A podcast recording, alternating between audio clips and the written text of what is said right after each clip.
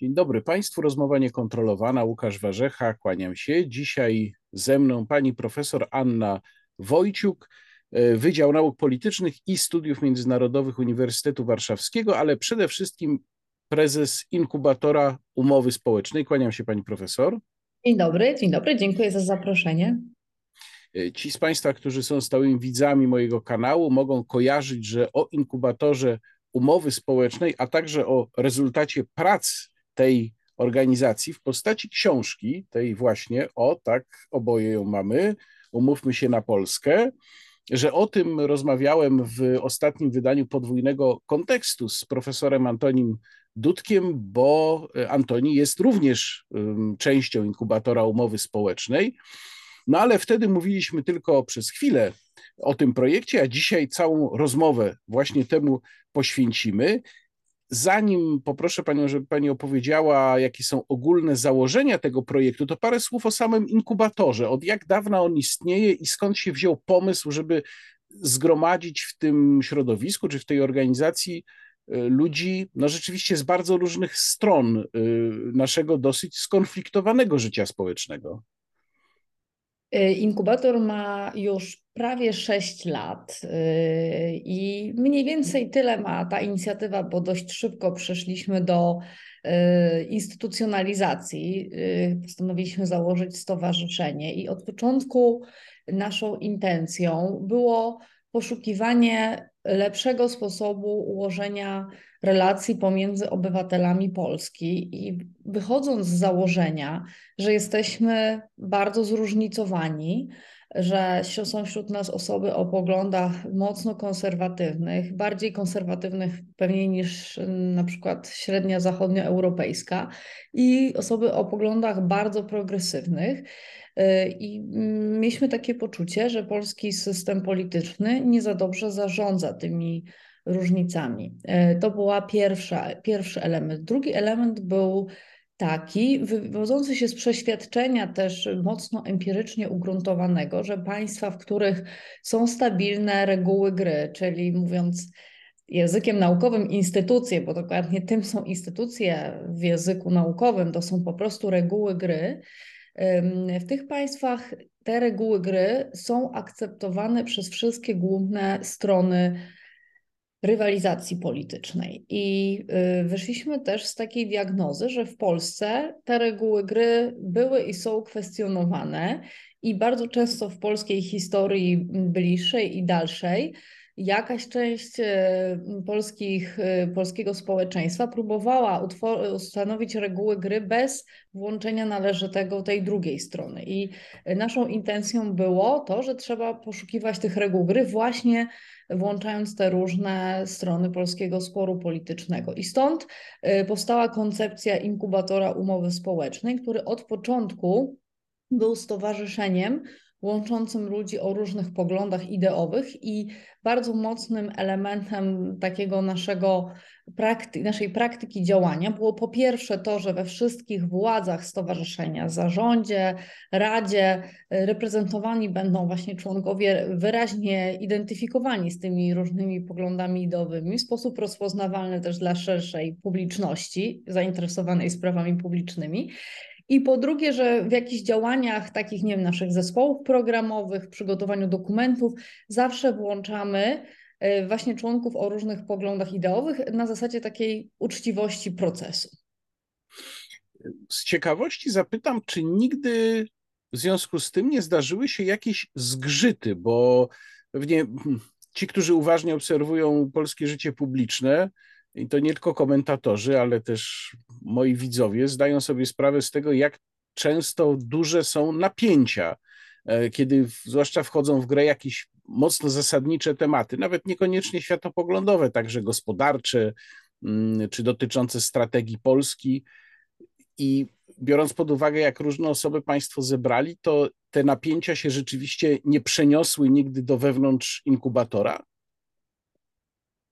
Y, były, y, były momenty, w których mm, jakieś y, wypowiedzi publiczne naszych członków nie w sprawach inkubatora elektryzowały innych członków, którzy do mnie dzwonili że to już jest, że, że to jest niedopuszczalne i że, że, że tak, że to, że to zaszło za daleko. I nawet inkubator umowy społecznej ma takie, żeśmy opracowali zasady komunikacji publicznej członków stowarzyszenia, w których mówimy explicite, że we wszystkich sprawach, które Y, właśnie nie dotyczą bezpośrednio tych reguł gry, ale dotyczą konkretnych wartości, przekonań naszych członków, że dopóki to są przekonania akceptujące właśnie demokrację i, i takie y, najbardziej fundamentalne zasady, członkowie mają absolutną swobodę w wypowiadaniu swoich poglądów i, i właściwie nigdy to się nie przełożyło na jakiś większy konflikt, dlatego że ja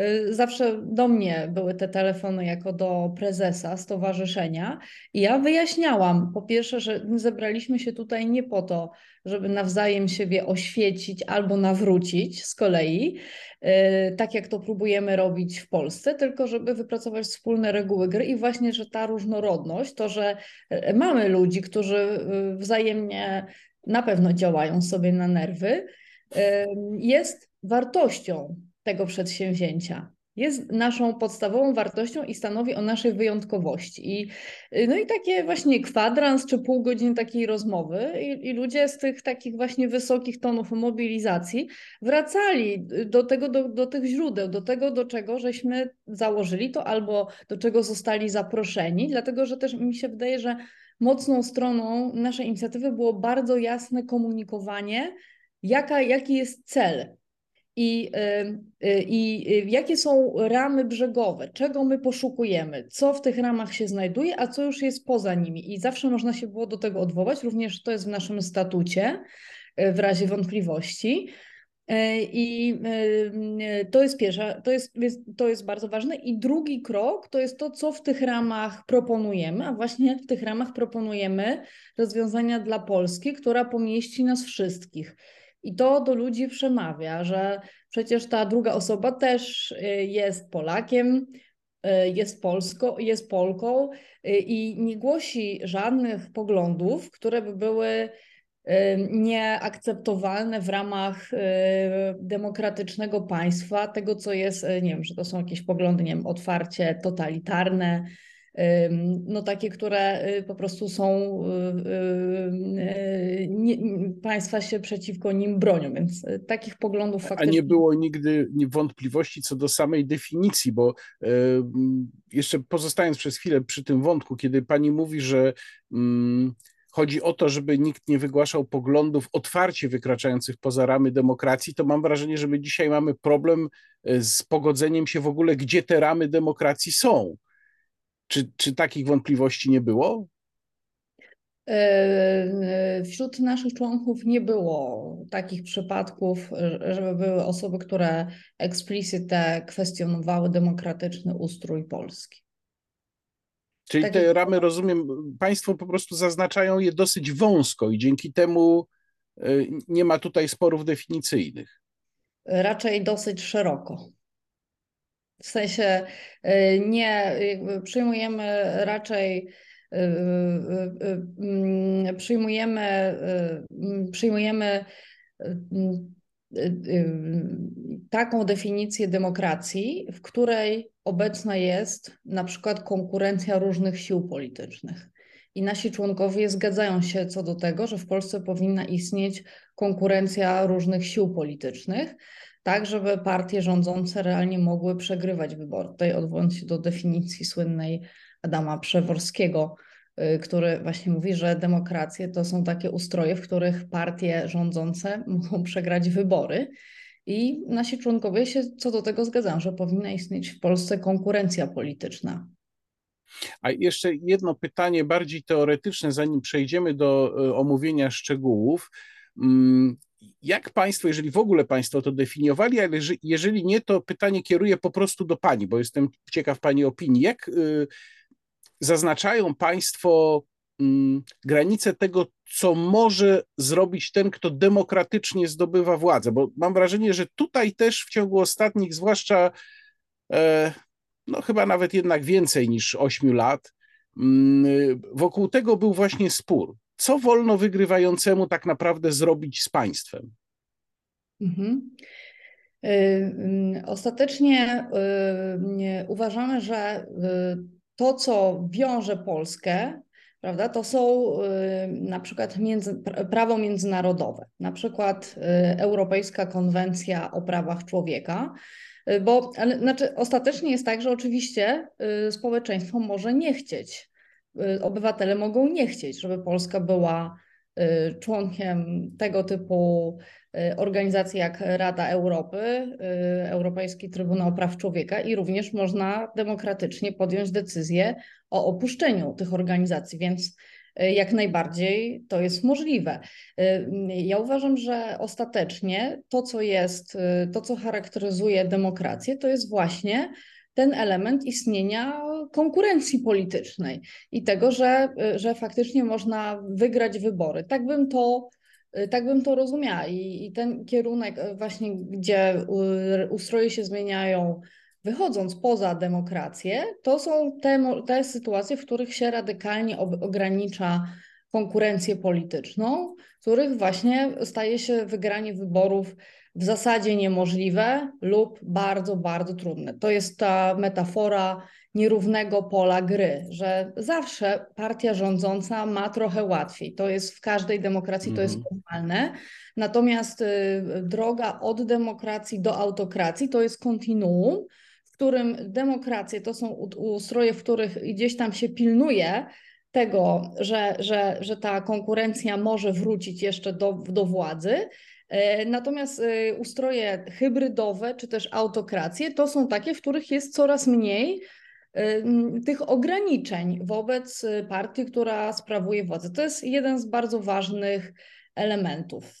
Oczywiście teoria demokracji jest szeroka, natomiast bym zwróciła zwłaszcza na to uwagę, bo uważam, że to przemawia też do wyobraźni y, obywateli, prawda, że, że ta idea, że istnieje cały czas konkurencja i w związku z tym możemy odsunąć od władzy kogoś, możemy wybrać kogoś innego. Y, uważam, że jest to istotą systemu demokratycznego i tym, co go odróżnia od alternatyw, które często też się demokracjami nazywają, prawda? Bo mieliśmy demokrację ludową. E, I, i dzisiaj jest też, to jest też, panie redaktorze, to jest bardzo ciekawy problem, bo dzisiaj żyjemy inaczej niż na przykład w latach 30., w czasach, kiedy e, w zasadzie demokracja jest, jest jaka hegemonia pojęcia demokracji, że nawet autokraci dzisiaj wszyscy praktycznie, prawie wszyscy twierdzą, że są demokratami, dlatego że nie można w zasadzie otwarcie powiedzieć, że jest się za ustrojem autokratycznym. To trochę zaciemnia pole. Natomiast z perspektywy na przykład literatury naukowej to jest y, bardzo dobrze zdefiniowane, w jaki sposób y, gdzieś tam te reżimy hybrydowe, które cały czas się deklarują jako demokracje, czym one się różnią od ustrojów, w których realnie istnieje ta konkurencja sił politycznych.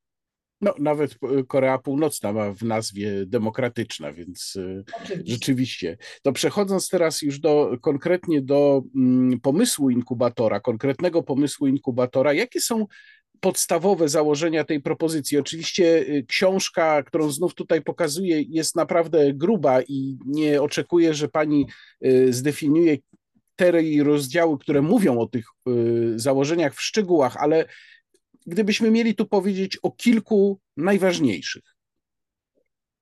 Mm, mamy trzy ważne punkty. Po pierwsze, chcemy wzmocnienia wspólnego państwa, tego, co jest strategiczne z perspektywy przyszłości, z perspektywy, z perspektywy też sprawności funkcjonowania Rzeczpospolitej jako państwa. I uważamy, że w dzisiejszej sytuacji bardzo często te strategiczne priorytety padają ofiarą wojny o sprawy ważne z perspektywy codziennego życia obywateli, natomiast niekoniecznie strategiczne z punktu widzenia państwa jako całości. I dlatego naszym zdaniem, e, po pierwsze, ta propozycja zmierza do tego, żeby centrum było sfokusowane i skoncentrowane na tym, co jest strategicznym priorytetem Polski, zwłaszcza Mówimy tutaj o sprawach bezpieczeństwa międzynarodowego, bezpieczeństwa wewnętrznego, polityki zagranicznej. To jest pierwszy punkt. Drugi punkt.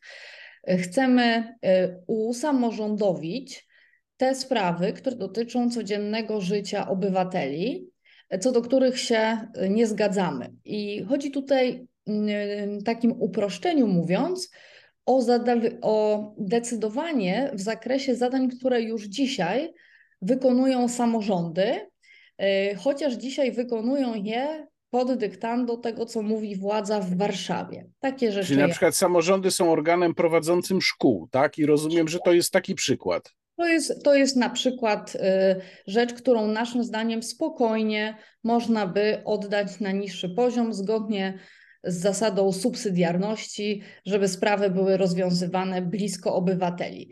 To jest oświata, jest rzeczą, do której się nie zgadzamy. Nie jest to rzecz, która musi być rozwiązana w naszym państwie w takim sam sposób.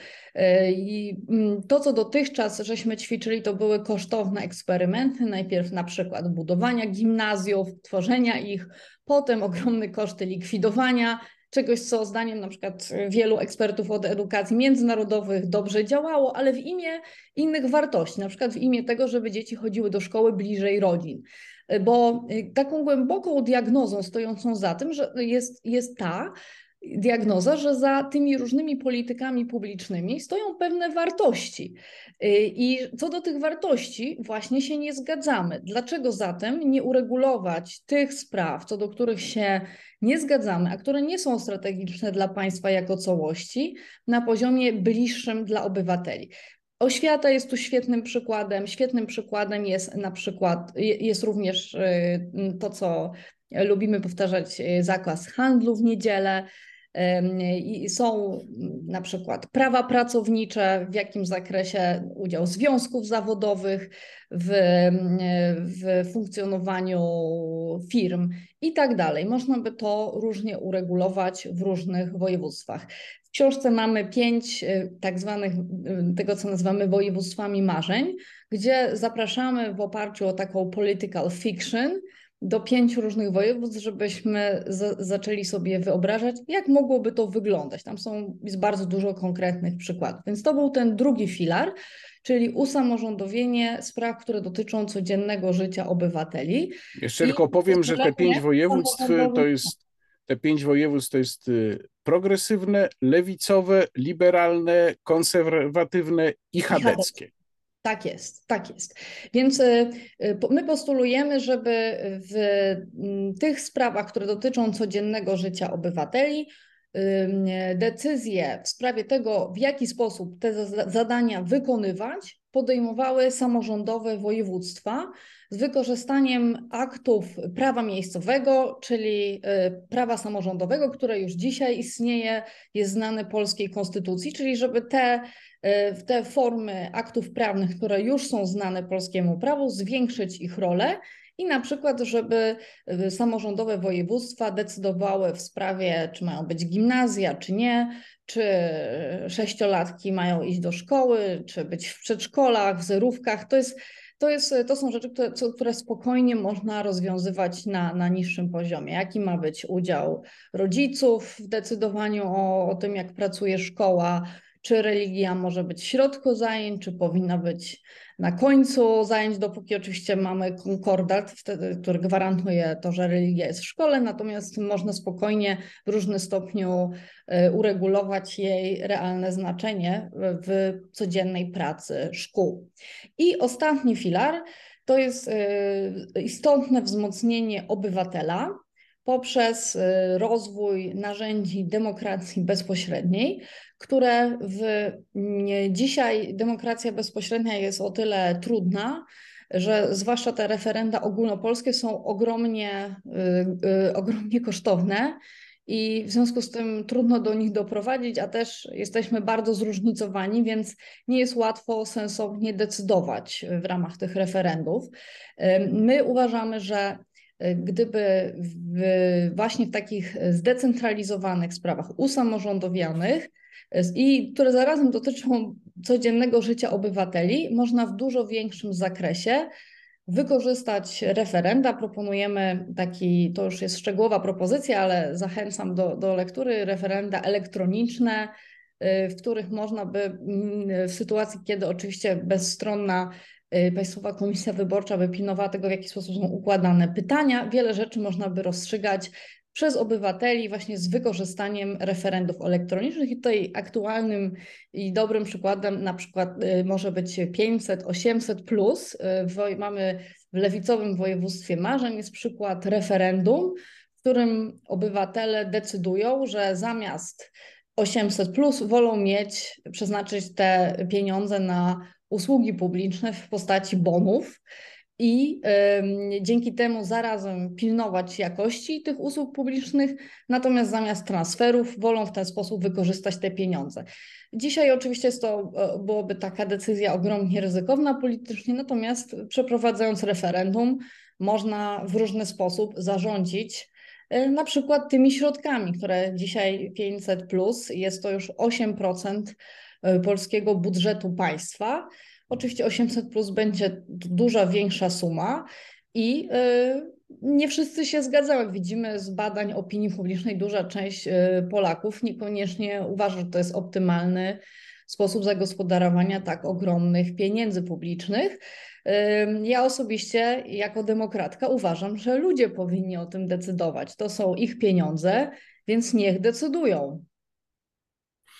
E, tutaj o jedną rzecz, skoro zaczęliśmy o pieniądzach mówić, muszę zapytać, która może należy do tej sfery już bardziej szczegółowych rozwiązań, ale wydaje mi się, że widzowie mogą być tym zainteresowani. To znaczy, co w takim razie z pieniędzmi? No bo tego typu rozwiązanie ustrojowe musiałoby oznaczać jakąś znaczącą przebudowę konstrukcji polskiego budżetu.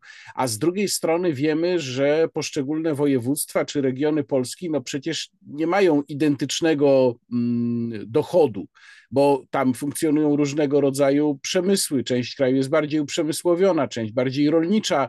Dochody z tego są na różnej wysokości. Jak myślicie Państwo ten problem rozwiązać? Mamy mm, szczegółową symulację ekonomiczną przeprowadzoną przez y, właśnie specjalistów i od ekonometrii, od e, makroekonomii, y, bardzo znane osoby.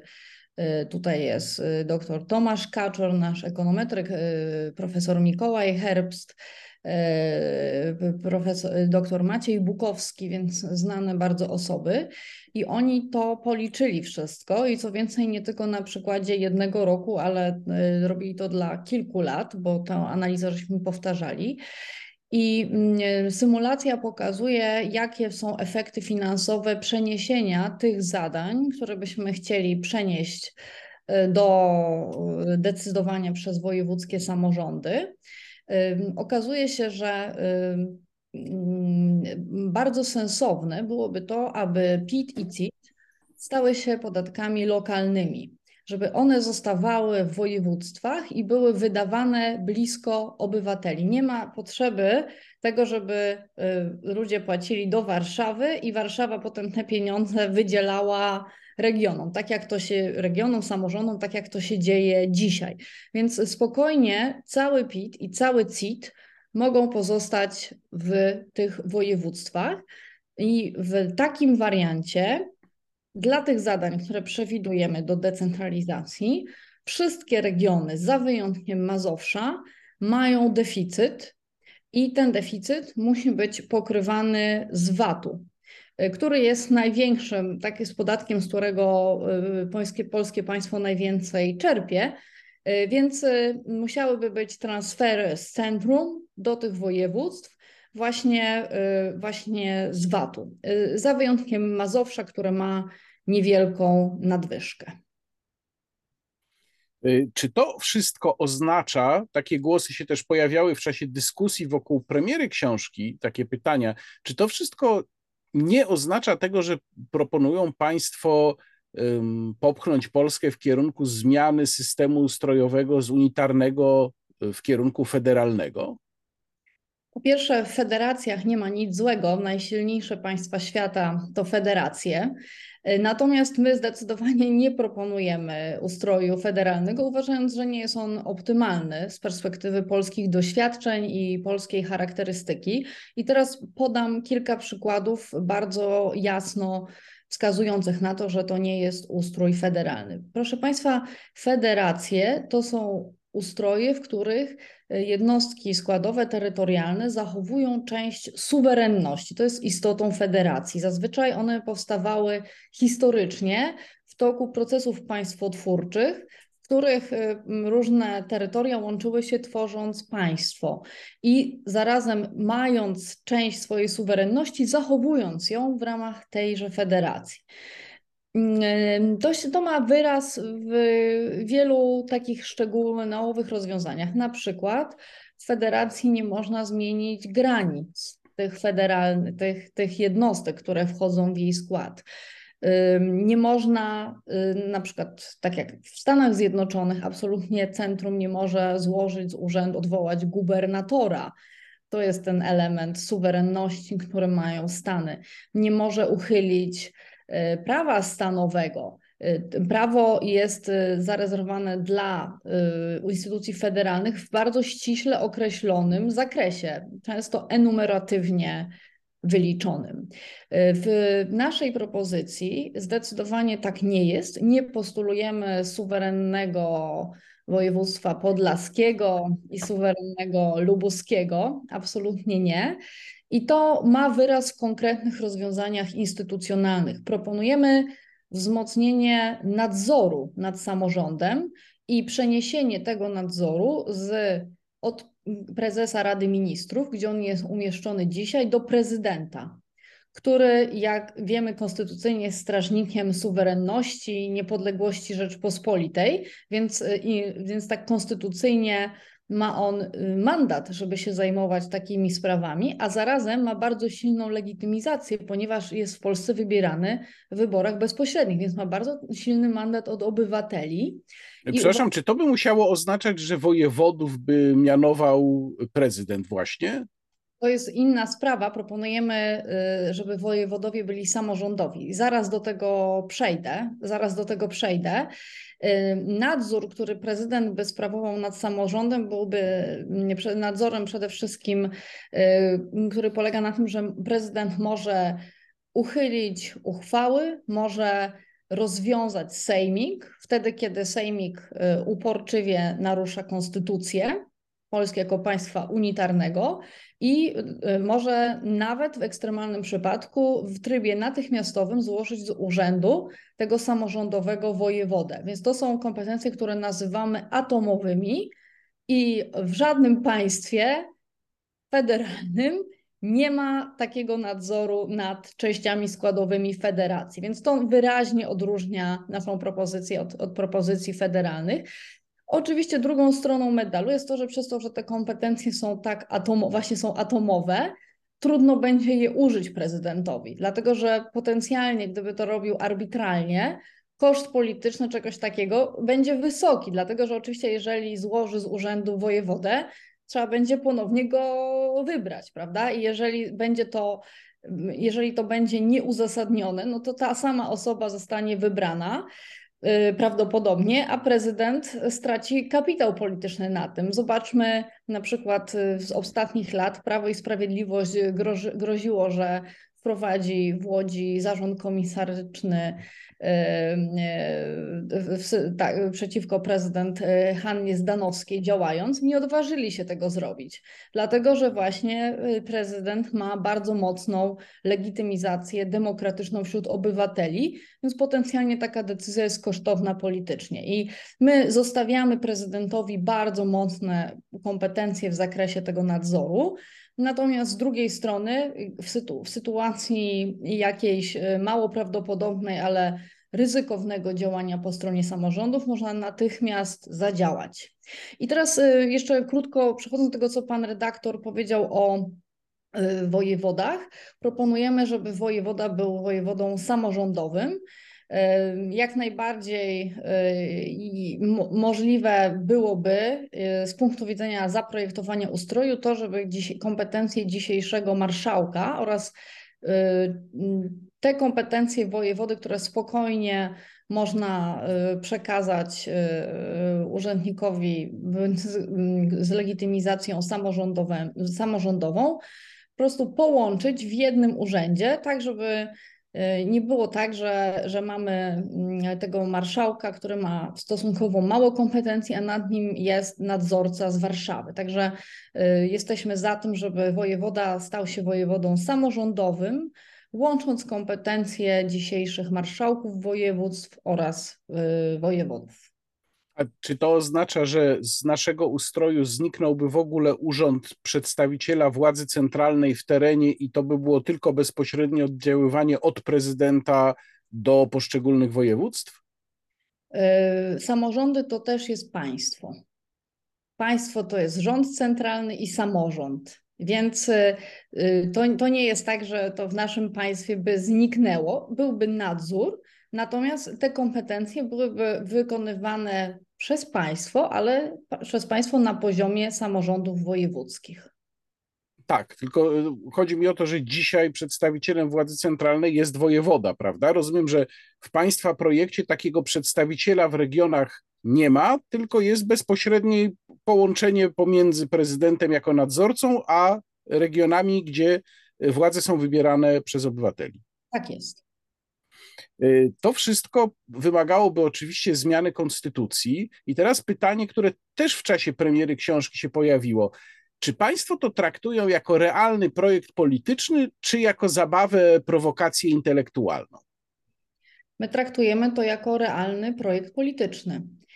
Y, przy czym uważamy, że y, ważne jest rozpoczęcie debaty o ustroju Polski, który byłby tymi właśnie regułami gry, na które zgodzą się wszystkie główne siły polityczne. I jeżeli byłaby inna propozycja, która by spełniała warunki, y, no między innymi takie, że byłoby to pewien uczciwy deal, który, w którym zasady gry nie przesądzają, kto wygra. To jest fundamentalne. Są jeszcze inne elementy, natomiast z takiej perspektywy właśnie demokratycznej, reguły gry nie mogą przesądzać, kto wygra, bo wtedy to jest po prostu yy, nieuczciwe. Są te reguły gry, to nie jest uczciwa konkurencja polityczna.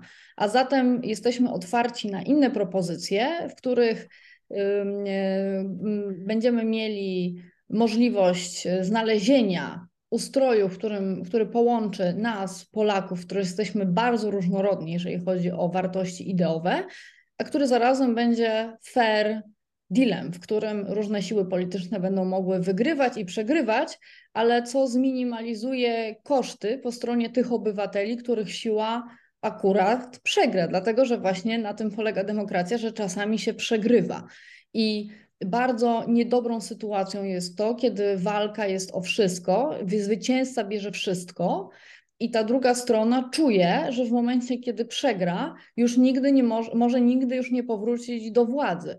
Y, I że, że czuje się, że nie ma, że to państwo nie jest jej, że wszystko, co się dzieje, jest zupełnie sprzeczne z, z ich wartościami, tak? Czuli się mm, w, wiele świadectw na ten temat przedstawiciele polskiej prawicy podczas, y, zwłaszcza podczas rządów koalicji PO-PSL, ale również wcześniej y,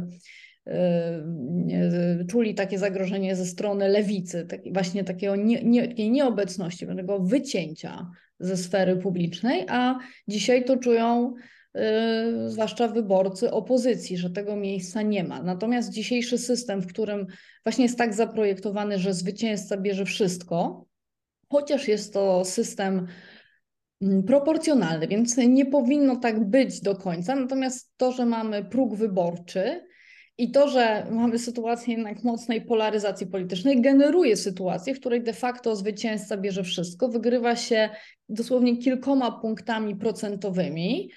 E, I bardzo dużo ludzi, zazwyczaj ponad połowa obywateli, który, dla których to w ogóle ma znaczenie, czuje się zawiedziona, nie u siebie i tak dalej. Także my jesteśmy otwarci na inne propozycje, które by spełniały warunki, o których mówiłam, oczywiście jeszcze by zwolniły, wzmocniły Polskę jako wspólne państwo. Wszystkie te rzeczy, o których mówiłam wcześniej, też są bardzo ważne. Zapewniły nam stabilną przyszłość, rozwój gospodarczy, te rzeczy też są niezwykle istotne. Natomiast z tej perspektywy takiej właśnie demokratycznej gry, To jest warunek konieczny. I jeżeli się znajdą propozycje inne, które będą go spełniać, my y, jesteśmy otwarci, jesteśmy gotowi poprzeć.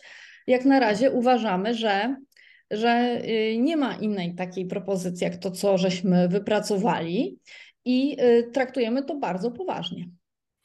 No tutaj mam dwie zasadnicze, fundamentalne wątpliwości, na które bym chciał, żeby Pani odpowiedziała. One są, y, polecam widzom kanałów w tekście, który opublikowałem w magazynie internetowym, magazynie Kontra, link do tekstu w opisie filmu.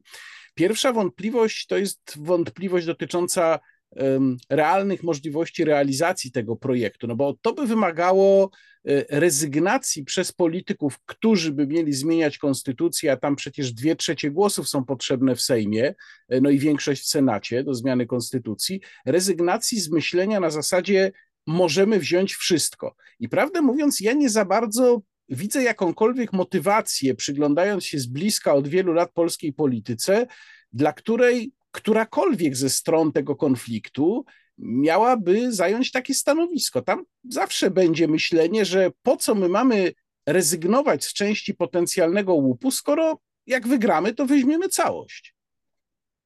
A jak przegramy? No to będziemy walczyć, trwać w opozycji, będziemy mieli subwencje, w końcu się odegramy. No właśnie, pytanie jest takie, czy... Przepraszam, Jarko, przypomnę, pani pewnie to dobrze pamięta, jak to bodajże Stefan Niesiołowski jeszcze jako polityk Platformy Obywatelskiej swego czasu powiedział, wygrajcie wybory, to sobie będziecie robić, co będziecie chcieli. No to wygrali wybory, poszli za radą Stefana Niesiołowskiego i myślę, że to jest dosyć uniwersalne myślenie. Y, jest kilka powodów. Po pierwsze, mm, sytuacja, w której partie są w opozycji, y, ze względu na zaostrzanie się tego konfliktu polsko-polskiego, tej polsko-polskiej wojny, jest coraz bardziej dotkliwa. Y, I mm, to nie jest bardzo nieatrakcyjna dzisiaj propozycja bycie w opozycji. Ma się poczucie zupełnego braku sprawczości, też y, część opozycji ma dobrą, dobrą subwencję, natomiast y, nie wszystkie partie opozycyjne są bardzo, bardzo ścisłe przepisy w tym zakresie. Trudno jest zdobyć środki na funkcjonowanie.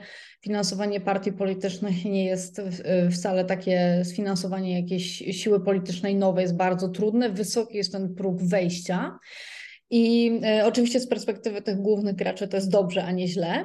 Natomiast nawet z perspektywy tych e, głównych graczy może być atrakcyjną propozycją, żeby cały czas mając to centrum, o które można prowadzić grę, e, zyskać również szansę tego, że w sytuacji, w której akurat przegrają dane wybory o władzę w centrum, będą mogli mieć władzę realną w różnych województwach, których prawdopodobnie wszystkie główne siły polityczne polskie gdzieś będą y, u władzy, czy też samodzielnie, czy też w, w koalicji rządzącej. Y, można wtedy realizować swój program i w czasie, kiedy jest się w opozycji, też wprowadzać rozwiązania, które są bliskie ideowo tym partiom, pokazywać, że to działa i przekonywać wyborców cały czas dużo bardziej w oparciu o konkrety, co się zrobiło, przekonywać wyborców w innych województwach, ale również przekonywać wyborców w wyborach centralnych, ale właśnie nie w oparciu tylko o to, y, co się głośno krzyczy z, z, z trybuny sejmowej, jak się aktywnie wrzuca tweety, ale o konkretne dokonania polityczne. A dzisiaj jest to oczywiście dużo trudniejsze, bo nawet, ponieważ nawet y, powiedzmy duże miasta, w których faktycznie jeszcze w tych samorządach jest jakaś realna władza, nie tylko iluzoryczna opozycji, wszystkie zadania w zasadzie są wykonywane w sposób, który jest dyktowany z centrum. Tutaj można by, to co mówiłam wcześniej, wykorzystać właśnie to prawo miejscowe po to, żeby bardziej y, też y, pokazywać swoje pomysły na politykę publiczną, a nie tylko być tym efektywnym, jak to my mówimy, kopiącym dół robotnikiem, nad którym stoją nadzorcy i mówią, jak ten dół kopać. Trudno się wykazać w takiej pracy. A zatem jest to propozycja może w krótkim terminie dla siły, która akurat uważa, że wygra, może atrakcyjniejsze jest, zapewne tak, wzięcie całości. Natomiast jeżeli już rozłożymy tę grę mówiąc językiem teorii gier, na więcej cykli, tak, że będą, y, jeżeli partie polityczne wezmą pod uwagę kolejne rozdania, może to się okazać dla nich atrakcyjne. To jest jedna rzecz z punktu widzenia czystego interesu partii politycznych. Druga rzecz, dlaczego by mieli się na to zgodzić? Tutaj też y, bym powiedziała y, z czysto egoistycznych interesów polityków, dlatego że dzisiaj jesteśmy w sytuacji, w której tych reguł gry nie ma. To znaczy, nie ma wspólnych reguł gry, bo część, y, wyborcy opozycyjni do niedawna i siły opozycyjne, elity opozycyjne mówiły o tym, że wrócimy do sytuacji sprzed 2015 roku. Jak przywrócić konstytucję? Dzisiaj no, już coraz trudniej jest o tym mówić, ponieważ y, te zmiany zaszły zbyt głęboko. I nie da się w łatwy sposób przywrócić sytuację, y, przywrócić status quo ante. Więc strona opozycyjna coraz bardziej widzi, że nie będzie, nie ma łatwej drogi do tego powrotu, bo zmiany zaszły zbyt głęboko. Naprawdę w niektórych obszarach, na przykład w wymiarze sprawiedliwości, zaszły one już bardzo głęboko. Z drugiej strony, y, rządzący którzy zrobili, mówiąc, y, cytując prezesa Kaczyńskiego, natomiast to się doskonale ja jako politoloż, politolożka od dawna o tym mówię, że po prostu Jarosław Kaczyński zmienił ustrój Polski. Kiedyś to było kontrowersyjne stwierdzenie, dzisiaj już nie jest, bo on sam to mówi. Zmienił ustrój Polski. To była rewolucja konstytucyjna, której dokonano bez zmiany konstytucji tej pisanej. I oczywiście coś takiego jest znane politologii takie rzeczy się dzieją. Są sytuacje, w których politycy zmieniają reguły gry, nie mogąc zmienić konstytucji. I to, co Jarosław Kaczyński wprowadził, po pierwsze, trudno, powie trudno powiedzieć, i sami e, zwolennicy Prawa i Sprawiedliwości nie powiedzieliby, że to jest skuteczny ustrój. E, nie jest to sukces, nawet z perspektywy e, dzisiejszych wymian między premierem Morawieckim i ministrem Ziobrą. Oni też nie twierdzą, że to się udało. Co więcej, przykład e, konfliktu w Trybunale Konstytucyjnym Julii Przyłębskiej pokazuje, no, zupełną porażkę tego reformowania, prawda? Więc y, strona rządowa też nie ma poczucia, że ustanowiła jakiś skuteczny nowy ustrój. Co więcej, nie jest tak, że strona rządząca by chciała, żeby opozycja przejęła ten ustrój, bo to jest ustrój dla opozycji niezwykle niekorzystny, prawda? Więc to jest tylko ustrój zaprojektowany y, pod warunkiem, że rządzi Prawo i Sprawiedliwość. Natomiast to nie są reguły gry, które Prawo i Sprawiedliwość by chciało, żeby druga strona przejęła. A zatem jesteśmy w sytuacji pewnego pata. I jeżeli Polska ma być silnym państwem, państwem, które się dobrze rozwija, jest stabilne, muszą być stabilne reguły gry. Proszę Państwa, wszystkie państwa, które zna, są przykładami sukcesu, na arenie międzynarodowej, sukcesu rozwojowego mają właśnie stabilne reguły gry. Państwa, w których doszło do takich sytuacji, a mam, znamy przykłady, na przykład Argentyna.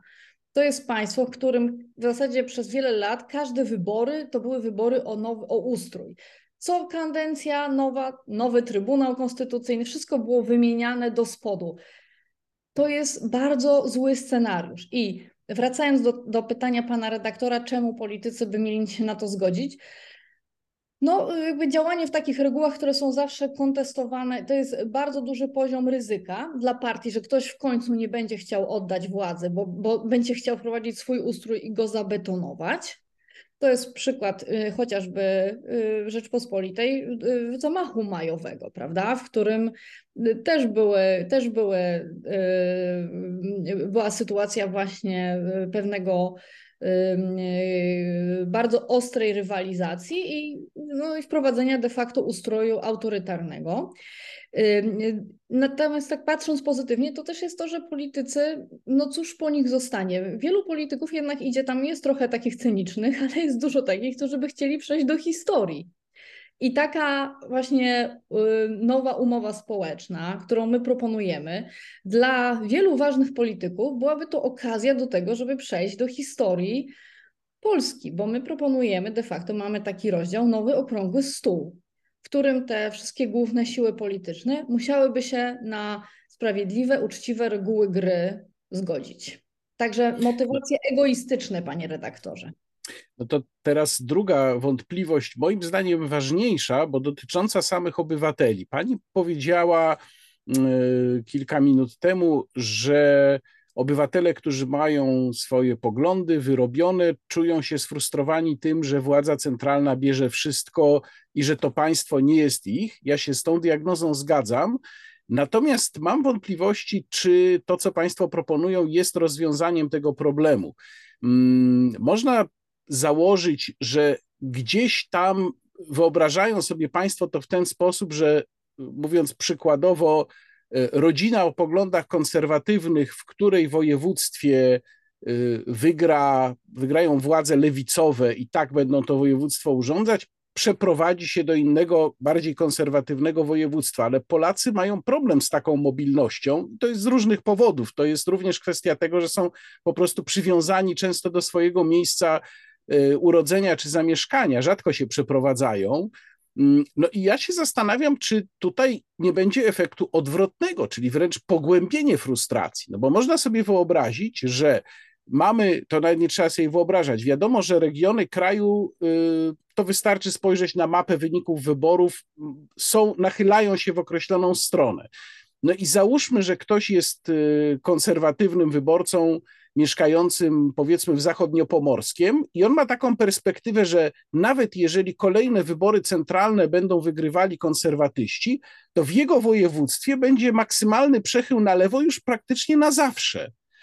Więc ja mam takie wrażenie, że ta propozycja nie oferuje tutaj mm, wyzwolenia z tej frustracji, tylko wręcz przeciwnie, oferuje perspektywę jej pogłębienia. Już niezależnie od wyników wyborów centralnych, na zawsze można zostać uziemionym, chyba że się człowiek przeprowadzi, w regionie, gdzie polityka będzie zupełnie sprzeczna z naszymi poglądami. Po pierwsze, y, a propos mobilności Polaków, to y, jak, jak, jakie mamy w tym zakresie zdolności, pokazały lata po 2004 roku, kiedy bardzo dużo Polaków wyjechało po prostu za granicę. I była to dużo bardziej y, ryzykowna, kosztowna decyzja niż wyjazd do innego regionu. Więc y, nie zgodziłabym się z całością diagnozy pana redaktora, chociaż zgadzam się, że tutaj istnieją pewne różnice, na przykład z tym, w jaki sposób działa społeczeństwo w Stanach Zjednoczonych. Także widzę tę różnicę, biorę ją pod uwagę, zaraz się odnoszę, odniosę, natomiast yy, ile milionów Polaków było na Wyspach Brytyjskich, prawda? Jak, jak, jak dużo osób wyjechało do Niemiec, Francji pracować, to, są, to jest, skala jest ogromna tego, więc y, ta y, mobilność była, jest i y, dzisiaj, jeżeli jest się niezadowolonym z tego, w jakim kierunku idzie Polska, można tylko wyjechać za granicę. To jest jedyna, jedyna droga wyjścia, jeżeli się nie, nie można tego znieść z perspektywy obywateli. I to jest bardzo kosztowne i bardzo trudne. Dużo dużo bardziej kosztowne i dużo trudniejsze niż wyprowadzenie się do innego województwa, gdzie cały czas jest język polski, gdzie istnieje wiele wspólnych standardów.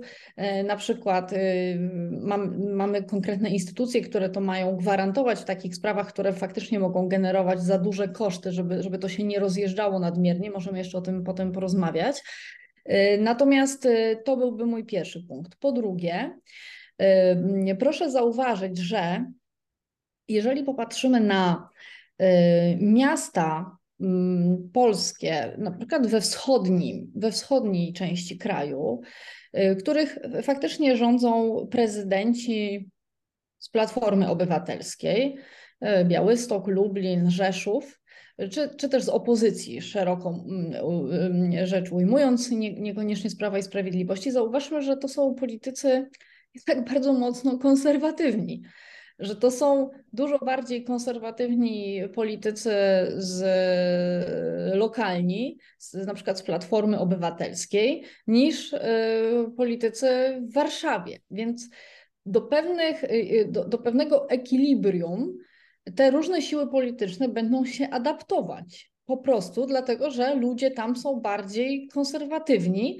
a w zachodniej Polsce są bardziej progresywni i że cały czas będzie istniała konkurencja polityczna, tylko że, dzi że dzisiaj partie muszą mieć te programy ogólnopolskie, programy polityczne i często właśnie się pojawiają te veto points, że na przykład y, z perspektywy, nie wiem, że mm, Platforma Obywatelska chciałaby Dzisiaj to już się zmieniło, ale na przykład w sprawach aborcji, ale konserwatywni politycy Platformy przed swoimi, przed swoimi wyborcami, y, dla nich to było nie do zaakceptowania, tak? I po prostu blokowali to. Dzisiaj jest bardzo trudno być taką partią, jak to się mówi, big tent, dlatego że po prostu Polacy są bardzo zróżnicowani. Na przykład taka partia jak Platforma Obywatelska, która y, łapała bardzo szeroko Dzisiaj jest to dla niej oczywiście coraz trudniejsze, dlatego że, że, że, że, że ci wyborcy y, Platformy Obywatelskiej we wschodniej Polsce czy, czy i w zachodniopomorskim są po prostu bardzo różni. Także y, uważamy, że cały czas będzie istniała konkurencja polityczna tak jak i dzisiaj istnieje, w tych regionach, tylko że różne partie polityczne będą mogły się dopasować w tym, w jaki sposób będą konkurować do e, tego profilu obywateli mieszkających w tych województwach. Więc jak najbardziej będzie można e, dopasować tę ofertę. Tak? Dzisiaj konkurujemy ofertą ogólnopolską i to jest trudne. Natomiast jeżeli będziemy mieli to, e, tę konkurencję na poziomie również województw, lokalne partie będą mogły dopasować program do tego, co leży na wątrobie wyborcom w tych regionach. Także w sytuacji, kiedy system gwarantuje bardzo ostrą konkurencję polityczną, e, mamy nie tylko możliwość dopasowania oferty do popytu, tak, mówiąc takim językiem po prostu yy, yy, dopasowania popytu do podaży do popytu, będzie można to dopasować. Natomiast również będzie, będzie te partie, będzie dużo dużo niższy próg wejścia dla nowych sił politycznych, co dzisiaj jest bardzo trudne, ponieważ system jest, po prostu trzeba mieć bardzo dużo środków, żeby wypromować się, żeby założyć ogólnopolskie struktury, to jest niezwykle trudne. W naszej propozycji będzie można, y, właśnie korzystając z tego, że w jakimś województwie na przykład jest siła polityczna, dajmy na to konserwatywna, ale jest to, y, no nie wiem, jest to niesatysfakcjonujące dla wyborców, można założyć alternatywną partię, y, która też ma profil konserwatywny, ale na przykład trochę bardziej wolnorynkowy i prowadzić konkurencję w tym województwie. Na przykład y, wejść do koalicji rządzącej, zbudować jakąś część struktur i potem konkurować dalej. Tak? Także to jest system, który zwiększa konkurencję i absolutnie, y, absolutnie y, jej nie w tym zakresie nie ogranicza. Kolejny, kolejna, kolejna rzecz jest taka, że obywatele jest, jest, bardzo ważne, żeby obywatele mieli poczucie, że w tym państwie jako całości coś jest ich. Tak? Że to nie jest tak, że są yy, wycięci z całych struktur państwowych. I bardzo często yy, taki argument, jak, jak rozmawiamy o tym z ludźmi, Y, jak to widzą, jak widzą ten system, że w sytuacji, w której na przykład my mieszkamy w jakimś województwie, które jest rządzone przez siłę, która, którą się nie zgadzamy, ale że są w innych województwach instytucje, które re, realnie reprezentują nasze wartości, że w tym państwie są instytucje, są miejsca, gdzie realizowane są wartości blisko, bliskie nam. To jest to jest kolejna odpowiedź. Wreszcie z takiego poziomu pragmatycznego, jeżeli sobie popatrzymy na e, takie analizy socjologiczne, e, prawda jest taka, że około 60%, e, około 60% polskiego społeczeństwa jest faktycznie zaangażowana politycznie w takim sensie, że ma dla nich znaczenie, kto rządzi, w jaki sposób. To jest około 60%, więc 40% jest bardzo mało aktywna. Część osób w ogóle mało wie, czym się różnią różne programy polityczne, różne partie polityczne i jest niestety bardzo nieobecna w polityce. Niestety, bo to jest słabość polskiej demokracji. Natomiast z perspektywy tych osób, które mówią wszystko jedno, kto rządzi, bo ja żyję i tak po swojemu, to nie jest aż takie dotkliwe, prawda, że yy, ta sytuacja. Więc potencjalnie to, co zapytał pan redaktor, dotyczy no właśnie tych, dla których, dla których y, to, kto rządzi, jest, jest bardzo ważne. Więc to nie są wszyscy ci, którzy nie głosowali na partię, która akurat wygrywa wybory.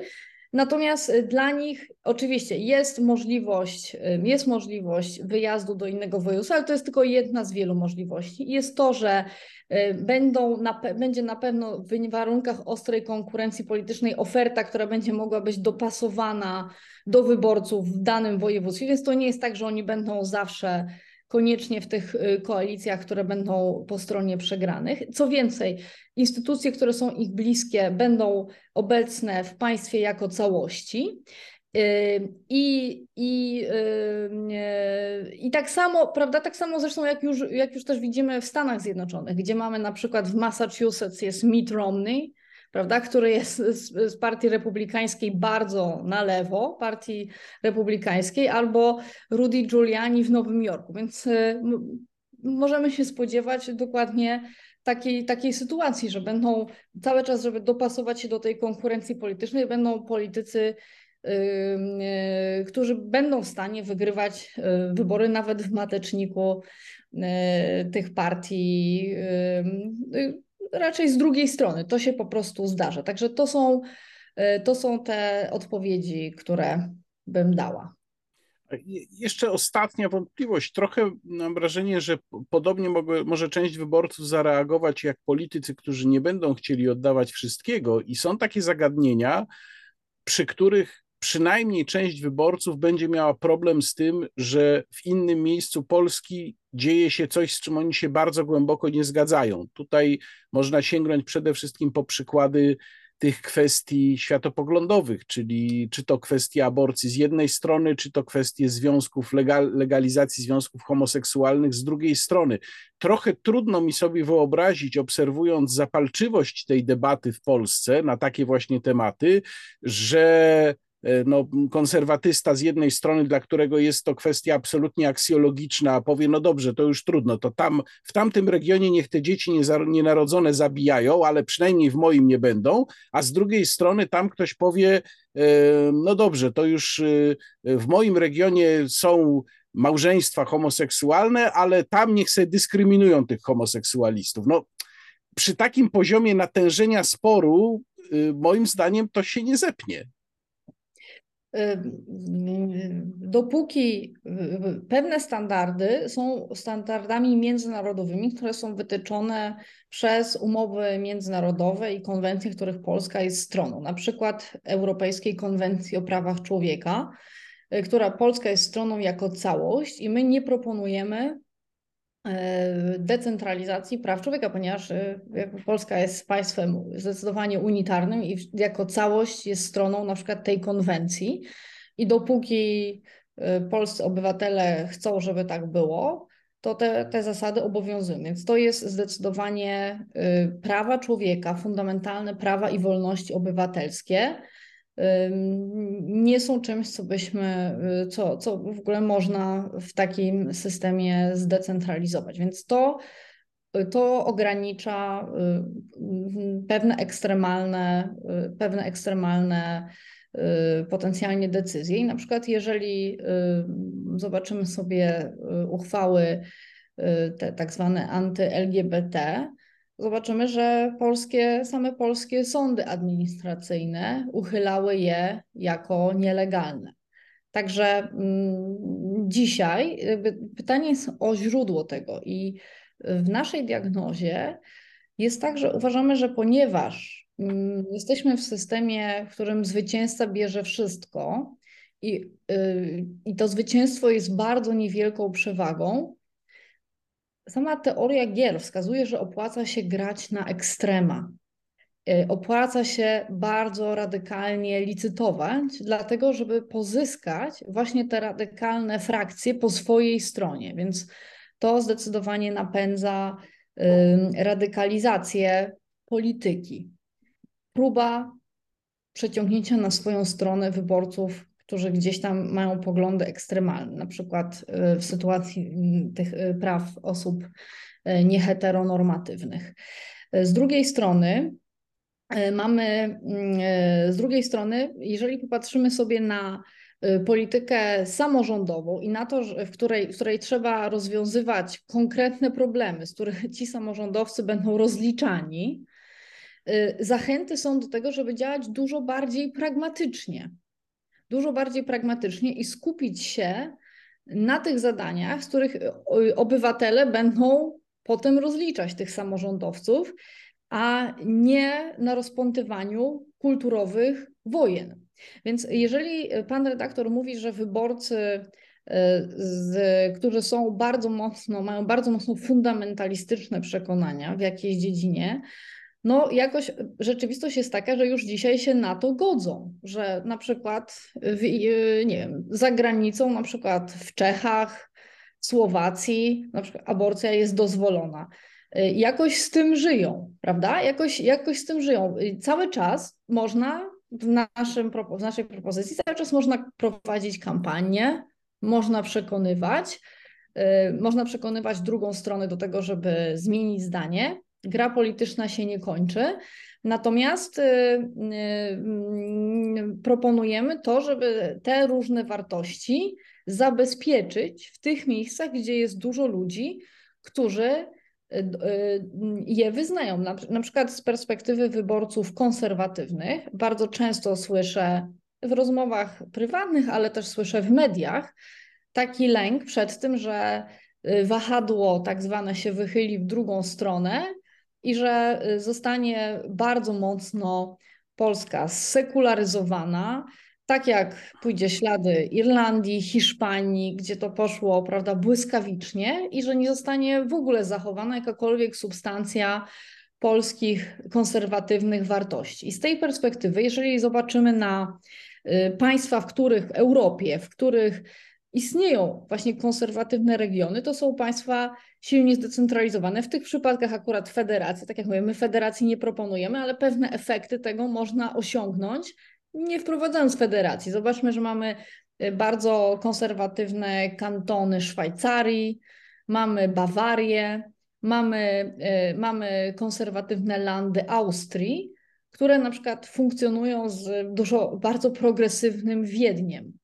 I y, dzięki temu również wartości konserwatywne mogą zostać zachowane w tych krajach. W państwach scentralizowanych, y, y, gdzie te, te lokalne społeczności nie miały takiego wpływu na to, w jaki sposób była praktykowana polityka, wartości konserwatywne mało gdzie się ostały w takim zakresie, jak właśnie w państwach, w których lokalne społeczności, lokalne wspólnoty które właśnie są tradycyjne, dla których to jest ważne, mogły to pielęgnować. I z tej perspektywy oczywiście można być fundamentalistą i uważać, że się nawróci, ale dlaczego właśnie się wtedy ograniczać tylko do Polski? Bo jeżeli się uważa, że coś jest naprawdę, wszyscy ludzie powinni jakoś postępować, to też należy to robić w całym świecie tak naprawdę, tak? Bo to nie ma już znaczenia, czy to są ludzie, którzy mówią w tym samym języku, czy nie, czy mają ten sam paszport, czy inny, bo jeżeli jest się fundamentalistą, tak jak robią prawdziwi fundamentaliści,